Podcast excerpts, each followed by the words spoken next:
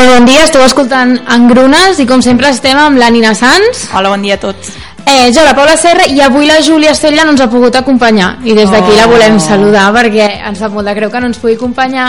Una abraçada molt gran, Júlia Estrella. Els teus comentaris crítics seran, es trobaran molt a faltar, que ho sàpigues. Exactament. I també volíem donar-vos, a part d'aquesta trista notícia que la Júlia no ens pot acompanyar avui, també us volem dir que bueno, avui superem el primer mes del programa Engrunes uh! i estem molt, molt contentes perquè creiem que l'hem superat amb bastant èxit. Bueno, això ho haurem de valorar a vosaltres, oients. Nosaltres no, no podem ser gaire crítiques amb les nostres persones. Però sí, evidentment, aquest és l'últim programa i us presentarem un personatge una mica polèmic. I amb aquest acabarem el cicle de personatges literaris femenins.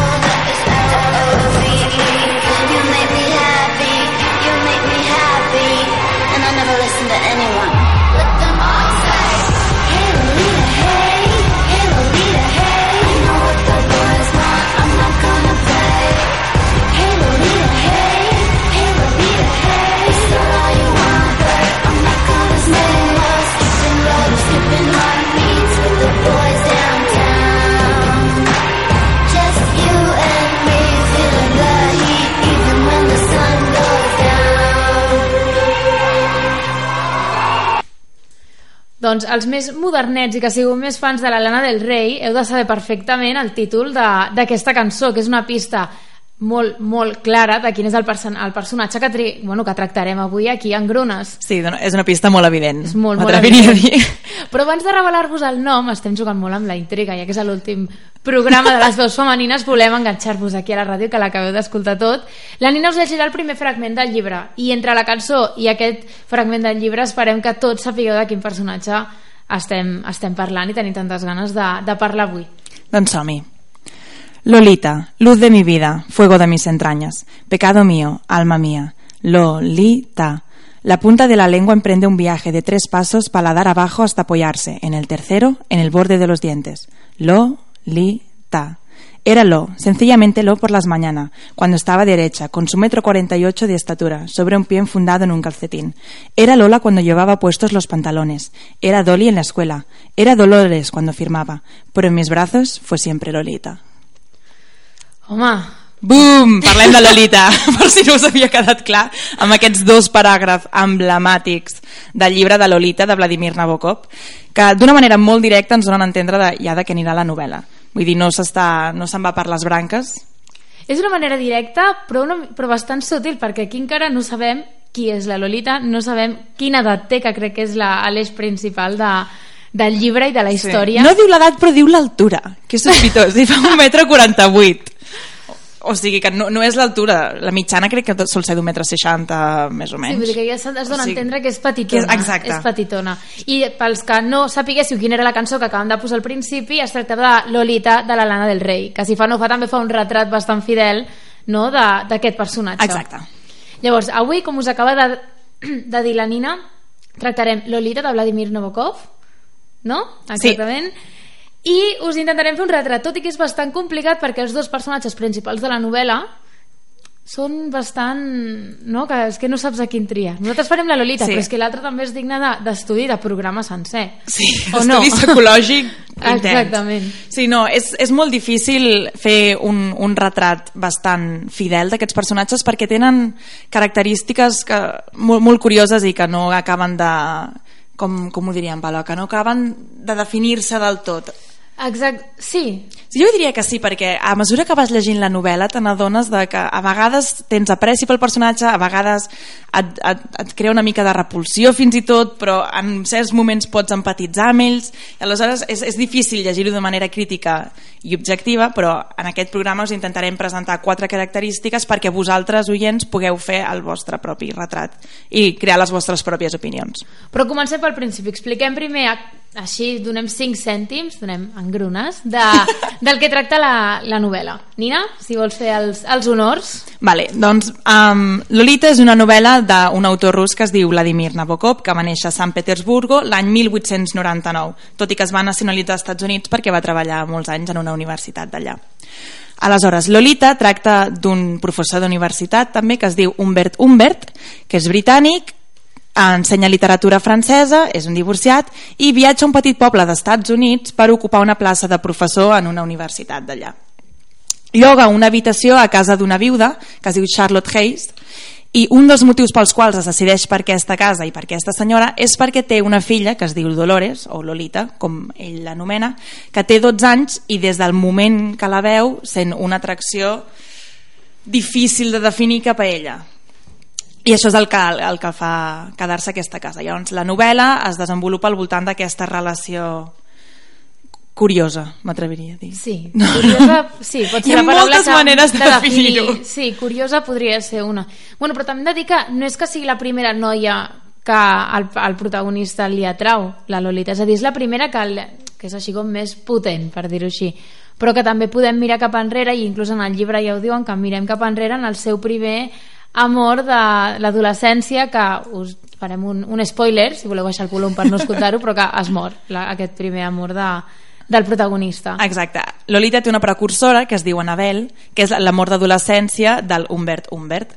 Un amor que no es va poder consumar, un amor que no, que no es va poder satisfer i aleshores li ha quedat com aquesta espineta a l'Humbert Humbert i per això comença a sentir sentiments per dones, bueno, dones, nenes, preadolescents. Ah, És com que busca amb, aquest, amb aquestes nenes el que va sentir per primera vegada amb la Anabel. Amb l'Anabel, exacte. I és, jo crec que la, la gràcia i el punt del llibre és aquesta recerca que fa el Humbert Humbert ah, fins que troba la Lolita. I jo crec que la Lolita és com superior, però més que res perquè té més temps per poder estar amb ella. No? Sí, però a mi el que em fa dubte és que no sé si la passió que sent per la Lolita és pura, dic, en el sentit de que ho sent per ella, o és un intent de satisfer una fantasia frustrada amb l'Anabel.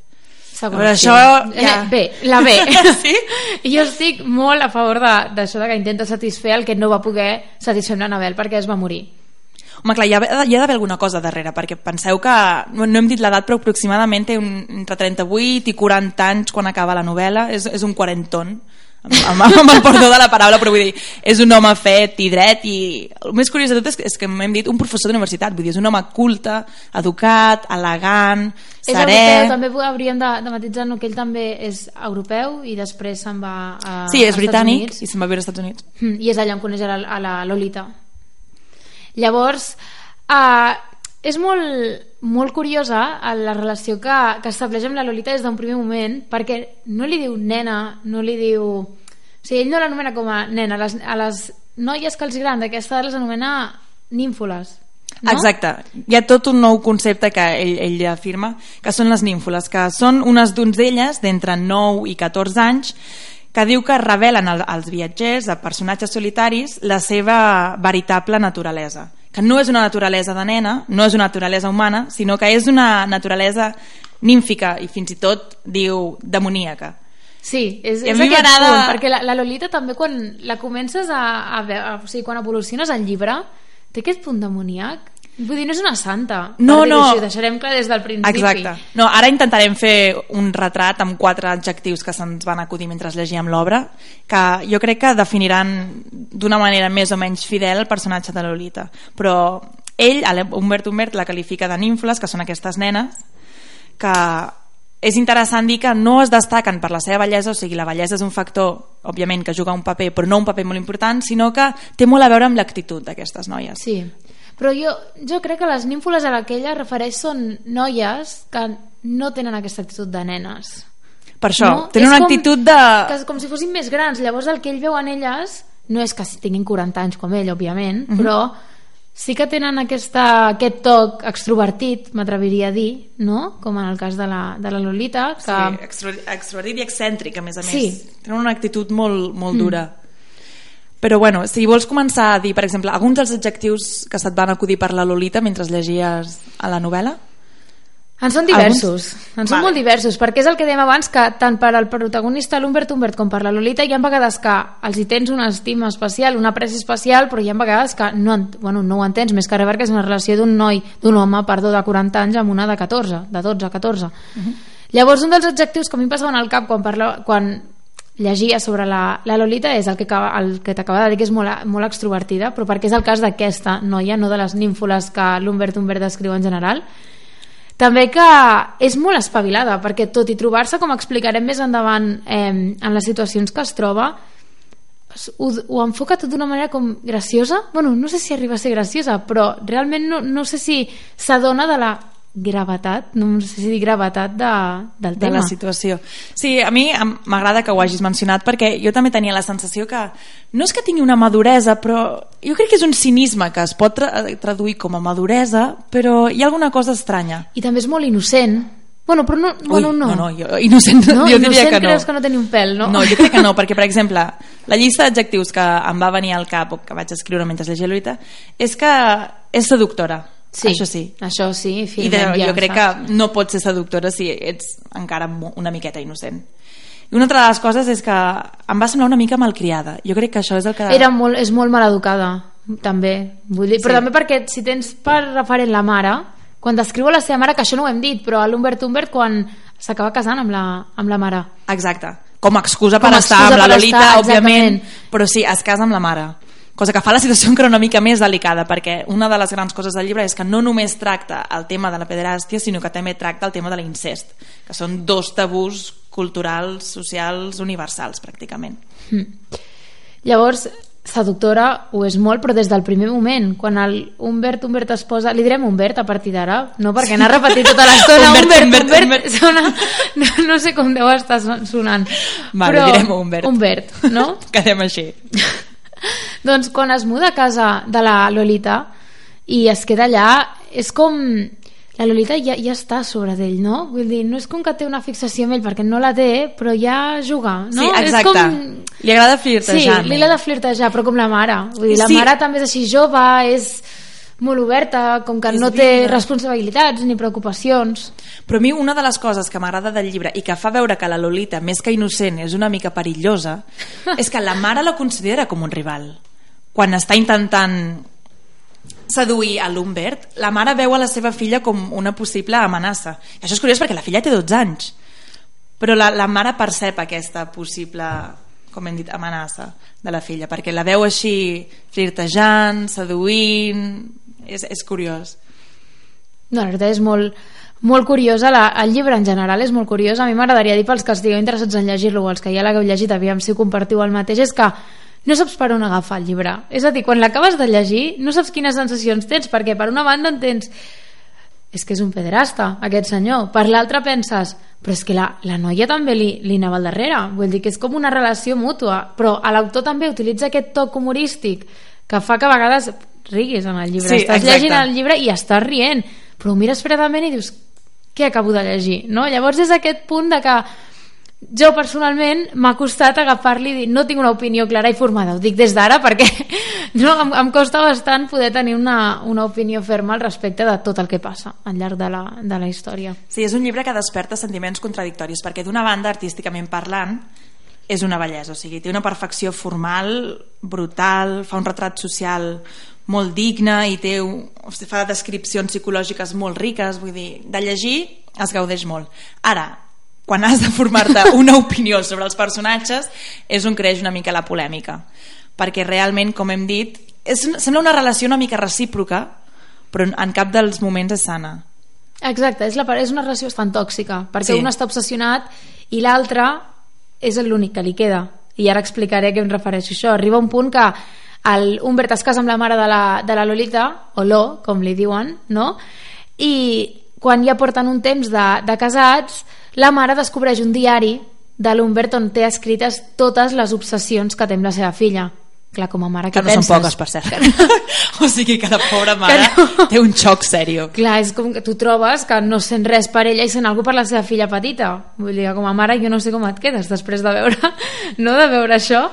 I la mare és, és graciós, perquè és bastant graciós el que li passa, bueno, dintre el que cap, ho llegeix... tràgic, jo és molt que tràgic, però és graciós. molt graciós el que li passa, perquè ho descobreix, surt al carrer i l'atropellen, i es mor.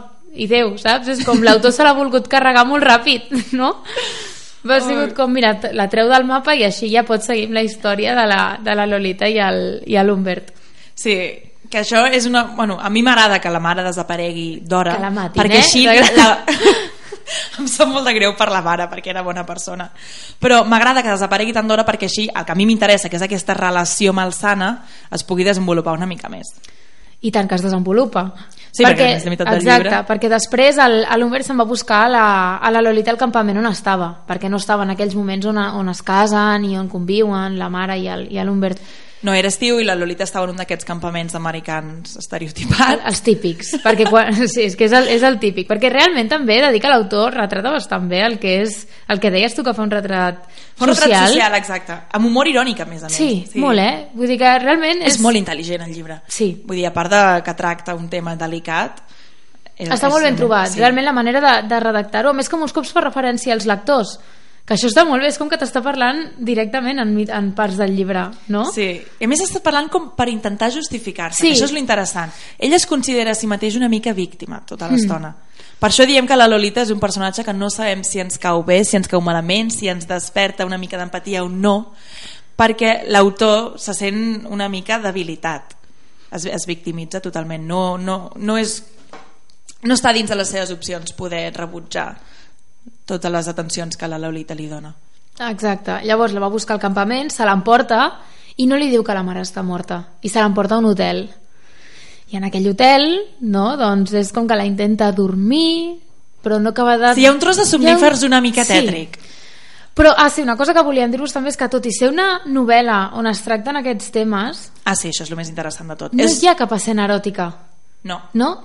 És a dir, hi ha seducció, no? Hi ha els punts on el- on l'Humbert doncs, descriu d'una manera brillant com només toca la cama de la Lolita i com sí. això per ell ja és com que se l'ha fet seva.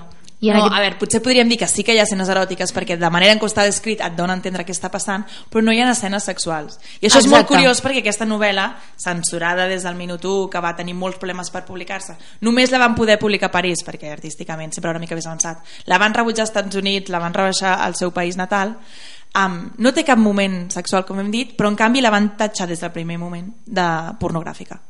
I que no té res de pornogràfica. Curiós, exacte. és a dir, és, la llegeixes i no hi ha cap escena que diguis super explícita, no? Llavors aquest és el punt que també és graciós de la novel·la, no? que és com que no se li, ha donat no se li va donar l'oportunitat aquesta de... No? no es va veure que realment no tenia aquests punts, tot i que els podria tenir tractant els temes que, que tracta. Exacte. I bueno, ara com segui... Bueno, això, que ens hem anat una mica del tema, però que estaven a l'hotel, que se l'emporta, que la dorm, i en aquest moment és l'únic punt on ell... No és On que, sospites que on potser té sospites que pot- intencions Exactament. que no són necessàriament pures. I a partir d'aquell punt se la comença a emportar doncs, per, no, doncs, pels Estats Units amb cotxe, d'hotel, en- bueno, de motel no, a motel i, i s'estableix aquesta relació fins que arriba un punt que és quan acaba la primera part que la Lolita li diu podria anar a veure la, a la, vull anar a veure la meva mare i ell li diu és que està morta i s'acaba així la, la primera part i és un vale, ara de seguim la segona perquè si no et quedes com, vale, està morta ara, ara la Lolita ho sap i hi ha una, una part que, bueno, una frase que diu al, a l'Humbert que li diu a la Lolita durant la segona part que és que no, no me'n recordo exactament què deia la frase, però que venia a dir que ella ara mateix no, per, no pertanyia a ningun lloc, que no tenia a ningun lloc on anar, i que per tant l'única opció que li quedava era quedar-se amb ell, perquè ell li pagava l'educació, li donava tot el que ella volia. Llavors és aquest punt de que la Lolita no té on anar, es queda amb ell i ell així satisfà també les seves necessitats no sé com no sé Perverses. Quina, sí, perverses? Sí? Jo diria perverses, sí. Perquè m'agrada aquest tros perquè és un moment de manipulació. Però ara Mm. que tractem el personatge de Lolita, m'agradaria, Paula, que m'expliquessis a veure quin és el teu punt de vista sobre aquesta situació. Tu creus que la Lolita és conscient del que ell vol?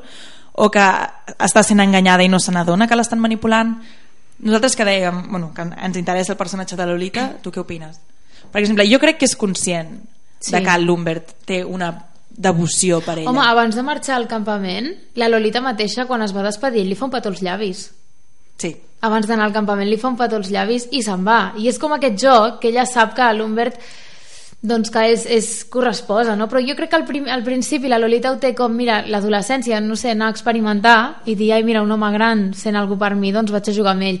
I després jo crec que es troben que la seva mare està morta, no té on anar, no té diners, no té casa, i ell li està oferint tot això. I ho accepta d'una manera conscient perquè sap el que hi ha, perquè sap que l'Humbert sent algú per ella i que ella pot aprofitar-se de l'home perquè li pot pagar tot, però alhora és inconscient perquè és petita. És a dir, no sap com espavilar-se i guanyar-se la vida per marxar del seu costat. Però tu en aquesta escena la qualificaries de víctima o creus que és conscient del que està passant? És conscient. Sí, crec que És que arriba un punt de la Lolita que quan la veus actuar dius, aquesta està seduint aquest home és a dir, l'està seduint no és una víctima que, que l'han violat o que, que realment se l'emporten eh? Vull dir, és com, no és un o sigui, no és que se la un sac, un sac ai, no em surt Segrestador? és un segrestador, perdoneu, no em sortia la paraula no és un segrestador, no és un segrest però ella se'n va amb ell Exacte. Llavors és, conscient, sedueix a l'home fins que arriba un punt que veu que es pot escapar que això ja és més endavant a la novel·la i s'escapa amb un altre home gran Ah, sí, que té una fixació, eh? Arriba un punt que dius, però per què te'n vas amb un altre home gran? però no és tan gran, eh? No, no és tan gran. L'Humbert és el, el, el, El gran, el però gran, la- gran, amb majúscules. Hmm, però l'altre personatge, amb el que ella té aquesta relació, no? També és gran, vull dir, no té 14 anys. No. Clar, és que ella, ella és molt jove. I bueno, una curiositat, tenint en compte que és un... han fet dues adaptacions, bueno, n'han fet més d'una, mm. però n'hi ha dues que són emblemàtiques. Una és l'adaptació cinematogràfica de Stanley Kubrick, que és molt interessant de veure perquè el, el guió el va fer el mateix Nabokov. Però fa gràcia perquè van tenir molts problemes per triar l'actriu que interpretava el paper perquè clar, no podia ser una noia molt jove de 12 anys perquè hi ha escenes que són una mica eròtiques però tampoc podria ser una dona de 20 i pico que ja estigués Perquè ja del tot formada perquè perdria la gràcia de de les l'essència de, la nínfoles. pel·lícula. Llavors, finalment van agafar una noia que es diu Sulayon, que tenia 15 anys. Que jo crec que és prematur per fer-ho. Sí. I la gràcia és que, degut a les escenes que hi ha en el tema que tracta, la pel·lícula la van qualificar de majors de 18. I la noia no, no va poder anar a l'estrena. o sigui, és l'actriu principal i la noia no, I no, la van agafar. l'escena. I l'altra versió no és del 1997, Sí, jo aquesta no l'he vista. és més, és més moderna, és... l'actriu també és molt guapa, abans ho comentàvem amb la Nina fora de, de l'estudi, que les dues vam veure la, les pel·lícules, l'hem vist, un, la Nina ha vist la de Kubrick, jo he vist la del 1997, realment les dues protagonistes són molt guapes, Sí. que tal qual les descriuen al llibre la veus i dius no? Vull dir Sí, que... sí, jo crec que són un retrat fidel de la Sí, descripció física sí, que sí. fa Nabokov en el llibre. Mm. Cosa que inquieta una mica, la veritat, perquè veus que l'autor tenia una idea molt clara de què és el que pot seduir un home gran i el que no. I això jo crec que són les coses que estan més censurades del llibre o que per això es van preocupar els editors quan la llegien perquè no, no és una relació, com hem dit abans, sana. Tot i que ell es victimitza moltíssim. I no, no la veu malament del tot. Fins i tot l'arriba a, a qualificar d'amor. Hi ha un tros que a mi m'agrada molt que diu que era amor a primera vista, a última vista, a qualsevol vista. Que vol dir? És amor. I a més ho diu d'aquesta manera, una mica cursi, em perdó, però que sí que et dona a entendre que els sentiments que té cap a ell, perquè al principi és més una obsessió, un desig estrany, el que dèiem pervers, m'atreviria a dir, però quan acaba el llibre, també quan es tornen a trobar, bueno, separen, no? Ells es van per un camí, que això no, estem anant, fem salts molt, molt estranys avui el programa, hi ha moltes coses a dir, però estableixen una relació com han de motel en motel. Després, est- ho faré ràpid, eh? faré una cronologia una mica ràpida, però després estableixen a un lloc, la Lolita va al col·le, a l'escola, perdó, i quan està a l'escola el Humbert li prohibeix fer activitats extraescolars, li prohibeix anar amb nois, li prohibeix sortir, la té supercontrolada. Sí, perquè en moltes escenes del llibre descriu co- com ell és conscient de com la miren com... tots els homes. Exacte. I llavors la Lolita li demana, si us plau, que vol participar en una obra de, de teatre. I ell al final accedeix. Que aquesta obra de teatre estava escrita per amb el que posteriorment la Lolita es fuga, no? Perquè al final se'n va, deixa l'Humbert i se'n va amb un altre home. I llavors es, és com que desapareix, l'Humbert es torna boig, perquè es torna boig, i arriba un punt que es tornen a retrobar. En el futur es retroben i es troba la Lolita que té parella i que està embarassada que té com molt té 18 anys en aquella part 17. 17 anys i quan se la troba en el llibre descriu exactament el que sent quan la veu i realment el que diu és que encara no ho ha superat que encara està enamorat de la Lolita i que encara segueix sentint exactament el mateix. Però tu creus que enamorat és la paraula? Perquè... Enamor- enamorat barra obsessiu. Vale, sí, Perquè- sembla, en alguns trossos em sembla més una obsessió, però en canvi en alguns trossos, com per exemple en la cita que ha dit, em sembla més una relació amorosa. Però no corresposa perquè realment òbviament, la Lolita era més que es es va aprofitar de, es va aprofitar d'ell. Sí, sí, jo un dels adj- adjectius que tenia apuntats durant el llibre era interessada. Sí. Sap molt el que vol i sap com aconseguir-ho. No sé si diria que sap el que vol, perquè realment es troba que no té res. Per tant, què vols? Si, si no tens res, què és el que, el que vols? Ella volia un pare perquè en molts punts de... És a dir, o sigui, en molts punts de, del llibre es veu com ella a les seves revistes i a la seva imaginació el que també busca és un pare, en certa manera. I amb ell troba, jo crec, aquesta figura fins que veu que com a pare té poc. No? Sí. que només serà el seu pare perquè ell li diu pare, li diu papa en moltes parts del llibre i, i inclús quan ja han passat segons quines escenes no? llavors és aquest punt que ella vol un pare necessita algun qui recolzar-se ell li dona tot això, a canvi ella sap què li ha de donar que és a ella mateixa li ha, li ha de donar a ella mateixa s'ha d'entregar per tenir altres coses Està... la Nina anava dient que sí Sí, és que em posa una miqueta tensa el, el fet de que ell sigui el padrastre seu, és que ho embolica tot encara més. Però és el padrastre... Que li digui pare tota l'estona El padrastre ho fa més és, és incòmode. camuflat, perquè es va casar amb la mare per tenir una excusa per estar amb la Lolita. Sí, sí, Llavors, exacte, és vull dir, no hi ha relació pare, és- sanguínia que diguis incesto puro, però, ostres, no, no, no ho posa fàcil, diguéssim, perquè tu puguis llegir de manera còmoda. Sí, és, és aquest, és aquest el punt que hi ha, hi ha fragments del llibre que dius que li està dient pare Sí, i tenen aquesta relació És que de... ho empitjora, ho empitjora Sí. molt. Però bueno, potser és, una, és, una, és un dels mètodes, diguéssim, per cridar una mica més l'atenció sobre el tema que està tractant. Aleshores, ara, si voleu, us posarem una segona cançó, que és del grup The Police, un clàssic, ja els coneixeu tots, i tracta una mica el tema aquest d'un home, en aquest cas un professor d'institut, que se sent seduït per una de les seves alumnes, però perquè l'alumne ho vol, diguéssim. No, la- l'alumne no és la víctima, sinó que és una mica el detonant, la culpable.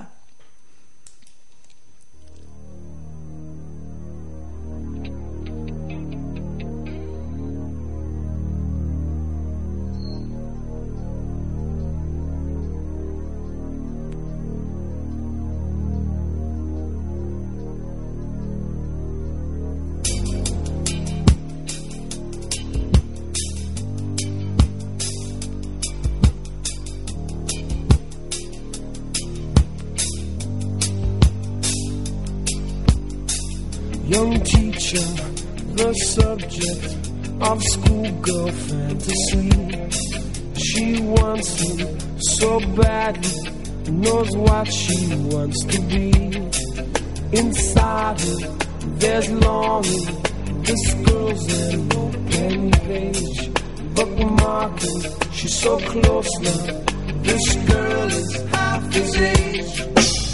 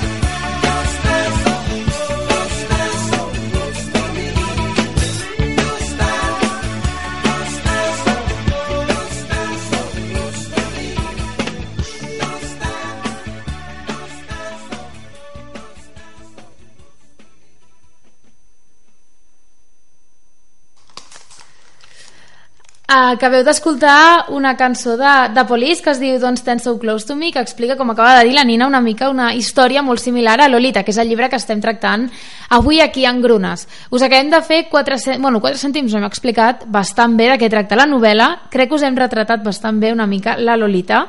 Sí, hem explicat tot l'argument, us hem donat quatre característiques bàsiques seves. Exacte, i ara també ens agradaria acabar-vos d'explicar la novel·la al final, donar-vos també una mica un retrat de l'Humbert, perquè també és el, un personatge que ens agrada bastant, bueno, ens agrada bastant, que és, és, és crucial per poder explicar qui és la Lolita i la relació Sí, que, no, que a més- estableixen entre ells. Sí, tota la novel·la està escrita des del seu punt de vista, és un narrador protagonista, és a dir que ens agrada molt la Lolita, és el personatge que volem analitzar, però és imprescindible també entendre la psicologia de l'Humbert per poder arribar a entendre també a la vegada la Lolita. a la Lolita. I a mi m'agradaria dir ara que estàvem... Bueno, una frase del llibre on, on l'Humbert descriu això que deia la Nina abans, de que molts cops es justifica ell o que es, es planteja ell com la víctima de la relació, que ara mateix no et sabria dir qui és la víctima, si la Lolita o ell. Exacte. Perquè És una relació molt ambigua, jo sí, crec que per els dos això són, són víctimes, podem arribar a considerar-los els dos víctimes. Per una banda, l'Humbert està obsessionat i no és correspost, per l'altra, la, Lolita no té on anar, l'únic que té és l'Humbert i li ha- s'ha d'entregar totalment en cos i ànima, i més cos que ànima, per dir-ho així, a, a l'Humbert per poder seguir vivint i una mica la, la seva. Llavors, en aquest tros de, del llibre m'agrada molt quan, quan l'Humbert descriu El hecho de que para Lolita no era un novio, ni un hombre arrebatador, ni un adolescente, ni siquiera una mera persona, sino tan solo dos ojos y un palmo de, de congestionado cuerpo cavernoso para mencionar únicamente cosas mencionables. Llavors, segueix, us tallo una mica això perquè no és tan, tan important, que Pude ver desde el cuarto de baño, mediante una combinación fortuita de espejos y puerta abierta, una expresión de su rostro. No puedo describirla con exactitud, pero manifestaba un desamparo tan absoluto que parecía diluirse en una nueva expresión. Esta, más bien, de confortable inanidad, precisamente porque ese era el límite de la injusticia y la frustración, y cada límite presupone algo tras él. Déu-n'hi-do Tela, el eh? fragment que has triat. És, és molt llarg, sé que és molt llarg, però realment crec que aquí és el- és el- l'últim tros, la segona part de la novel·la i crec que pot arribar a deixar bastant clar que el, el Humbert sap que no és correspost. I aquí també es veu que la Lolita no sent res per ell però que segueix no, amb la frustració i, com deia ell, el desamparo de la, de la Lolita, que és l'únic que la mou estar amb ell. No sé si és el més ben triat a tota la novel·la, però realment el vaig trobar molt, molt, ben, molt ben encertat. Sí, no, jo crec que exemplifica d'una manera excel·lent que Lolita és una novel·la que tracta una història d'una obsessió i que tracta una història extraordinària d'amor i un amor impossible. I, bueno, no sé si dir amor és massa amable, però jo crec que sí, en el fons. Sí, en el fons l'Humbert sí que té, al final ho diu, que té aquesta relació que ell sí que està enamorat. I una cosa que m'agradaria destacar abans de, que hem dit que hi ha dues adaptacions cinematogràfiques, la de 1997, que per dir és més, més moderna, Uh, moltes s'ha criticat bastant pel fet que moltes adolescents prenen a Lolita com a exemple no per estar amb, amb senyors més grans sinó pel, per com és la personalitat i és el que dèiem, és una noia que és malcriada que és seductora, que realment aconsegueix el que, el que es proposa no? que en aquest cas és estar amb aquest senyor perquè, per poder ser mantinguda per dir-ho d'alguna manera Sí, sí. Llavors el que s'ha criticat molt és que molta gent ha vist a la Lolita un personatge que es pot idolatrar, però jo no sé si es pot idolatrar una persona com la Lolita. És que jo crec que això obre un diàleg molt important en, al voltant del concepte que és la seducció. Perquè en, fins a quin moment la seducció és una bona tècnica per aconseguir el que vols, fins a quin moment és pervers. Hi ha, si us interessa, hi ha algun parell de xerrades de TED, que segur que ho coneixeu, que tracten el tema de la seducció i és molt interessant perquè pot ser una eina útil, en certa manera innocent, però mal emprada pot, pot ac- acabar amb conseqüències fatals. Jo crec que aquest és un dels problemes de Lolita, que és que no s'entén fins a quin punt la seducció que la Lolita exerceix sobre l'Humbert és sana i fins a quin punt és dolenta. Òbviament és més dolenta que, que bona. Jo crec que per això Lolita és un personatge que en general genera bastanta antipatia. Ja que estem parlant Sí. de la Lolita personatge, no sol caure molt bé. No, perquè no acabes tenint aquesta sensació de quina pena que aquesta nena li han tret l'adolescència. Clar, i és curiós perquè és una noia que se li mor la mare, que se'n va amb un home que té una obsessió malsana per ella, que no la deixa fer res. I en canvi en cap moment arribes a sentir pena per ella. Exacte. Jo crec que això és molt significatiu, Sí. que durant tota la novel·la no diguis en cap moment ostres, pobreta. Hi ha dos trossos de la novel·la que sí que trobo que a mi sí que vaig sentir pobra que aquí potser hi és conscient que realment el que està passant és una mica un infern perquè no pot ser lliure dintre de uh -huh. que puguem enten entendre per lliure però que es posa a plorar per la mare perquè ha mort i, es, i això en una, una ocasió en el motel dels primers està una nit plorant per la mare però l'endemà s'aixeca i tan tranquil·la Sí. és a dir, que ja està bé bueno, quan el llibre per almenys és com que relata que està bé i l'altra ocasió és un punt que es discuteix amb el, amb l'Humbert. És una tonteria. Ara mateix no, no de dir ni explicar quin era el motiu, però realment es veu com es criden. I l'Humbert arriba a un punt que la, o sigui, li dona una, una bufetada. I en aquí ella plora, però és el mateix, després torna a estar bé. Llavors són aquests dos punts, aquests dos punts del llibre que dius, ai, pobra, no, però després ja és el que diem, és aquesta relació que tens com a lector amb la, amb la Lolita que no acabes de sentir pena per Sí, ella. Ho, ho tracta tot amb tanta frivolitat i és tan freda amb les persones que costa, costa sentir una certa empatia. I per això és molt és molt inquietant el llibre perquè en alguns moments sents més empatia per l'Humbert que no pas per la Lolita. I, et sents que no estàs tenint l'empatia per, al, per al personatge adequat, perquè dius, a veure, però si és ella que està abusant de la Lolita, no la Lolita d'ell. Però és això, és la, és la manera de ser de la Lolita que no, que no ens acaba de, de convèncer. Sí. No, però jo crec que precisament per això aquesta novel·la és una proesa, perquè el Nabokov ha aconseguit que la majoria de persones es sentin una mica malament per, per l'Humbert i no per la Lolita. I, és una mena de crítica, com dèiem abans, que, que fa l'autor de la societat i perquè te n'adonis que no tot és tant com és a primera vista. Però bueno, de totes, de totes maneres no, no deixem de banda que es tracta d'un tema que deixant de banda la novel·la és un tema molt pervers hem dit pervers moltes vegades però dic que es tracta de que Jo crec que és l'adjectiu més de adequat per descriure-ho tot. que no és, ni una, no és ni una història d'amor que jo també he vist molts comentaris quan mires les peli la pel·lícula i moltes crítiques que la tatxen d'història d'amor i no ho és, és una tragèdia bueno, tragicomèdia podríem dir o què? Però sí que és d'amor en, en certs aspectes. és, però no és una història de- d'amor, no? Bueno, jo no la considero una història d'amor, jo la, la considero una tragèdia. Amb Però totes les lletres les de la paraula. poden ser amoroses. Exactament. Però um, quan sents la paraula història d'amor, t'imagines un amor correspost, no? I això, en canvi, és una història d'un home que està obsessionat amb una nena petita i la nena petita que treu el màxim profit d'ell dins el, el que pot i acaba morint la mare, mor a l'altre amant de la Lolita um, l'Humbert es torna una miqueta boig perquè al final s'adona que realment està enamorat la Lolita que està embarassada i l'únic que vol de l'Humbert són diners a l'últim moment perquè realment el Sí. cop que es veuen per últim cop és perquè li ha demanat diners Sí, ella s'ha mudat amb el seu nou amant a Alaska i no tenen diners per mantenir-se i l'únic pel qual vol veure l'Humbert és per demanar-li una mica de diners. I jo crec que això recalca una altra vegada la faceta aquesta que he dit jo abans que a mi em sembla que té la Lolita que és una mica interessada. sí i amb això jo crec que podria donar per acabat el retrat de la, de la Lolita i l'Humbert perquè hem fet els dos, no era només una veu femenina aquest, aquest cop però trobo que és bastant, bastant fidel. I ara una altra, una altra curiositat que ha sortit, bueno, un llibre que també ha sort, va sortir fa dos anys, dos, tres anys, Sí, és jo crec que tres, potser. tres anys, que es diu Lolito. Lolito sí. del, del Ben Brooks, que és un, un escriptor que és anglès, si no m'equivoco. Sí, exacte. I és molt curiós perquè és molt semblant a Lolita, però en el segle XXI, per dir-ho així. I en aquest cas eh, és el, el nen, el nen té...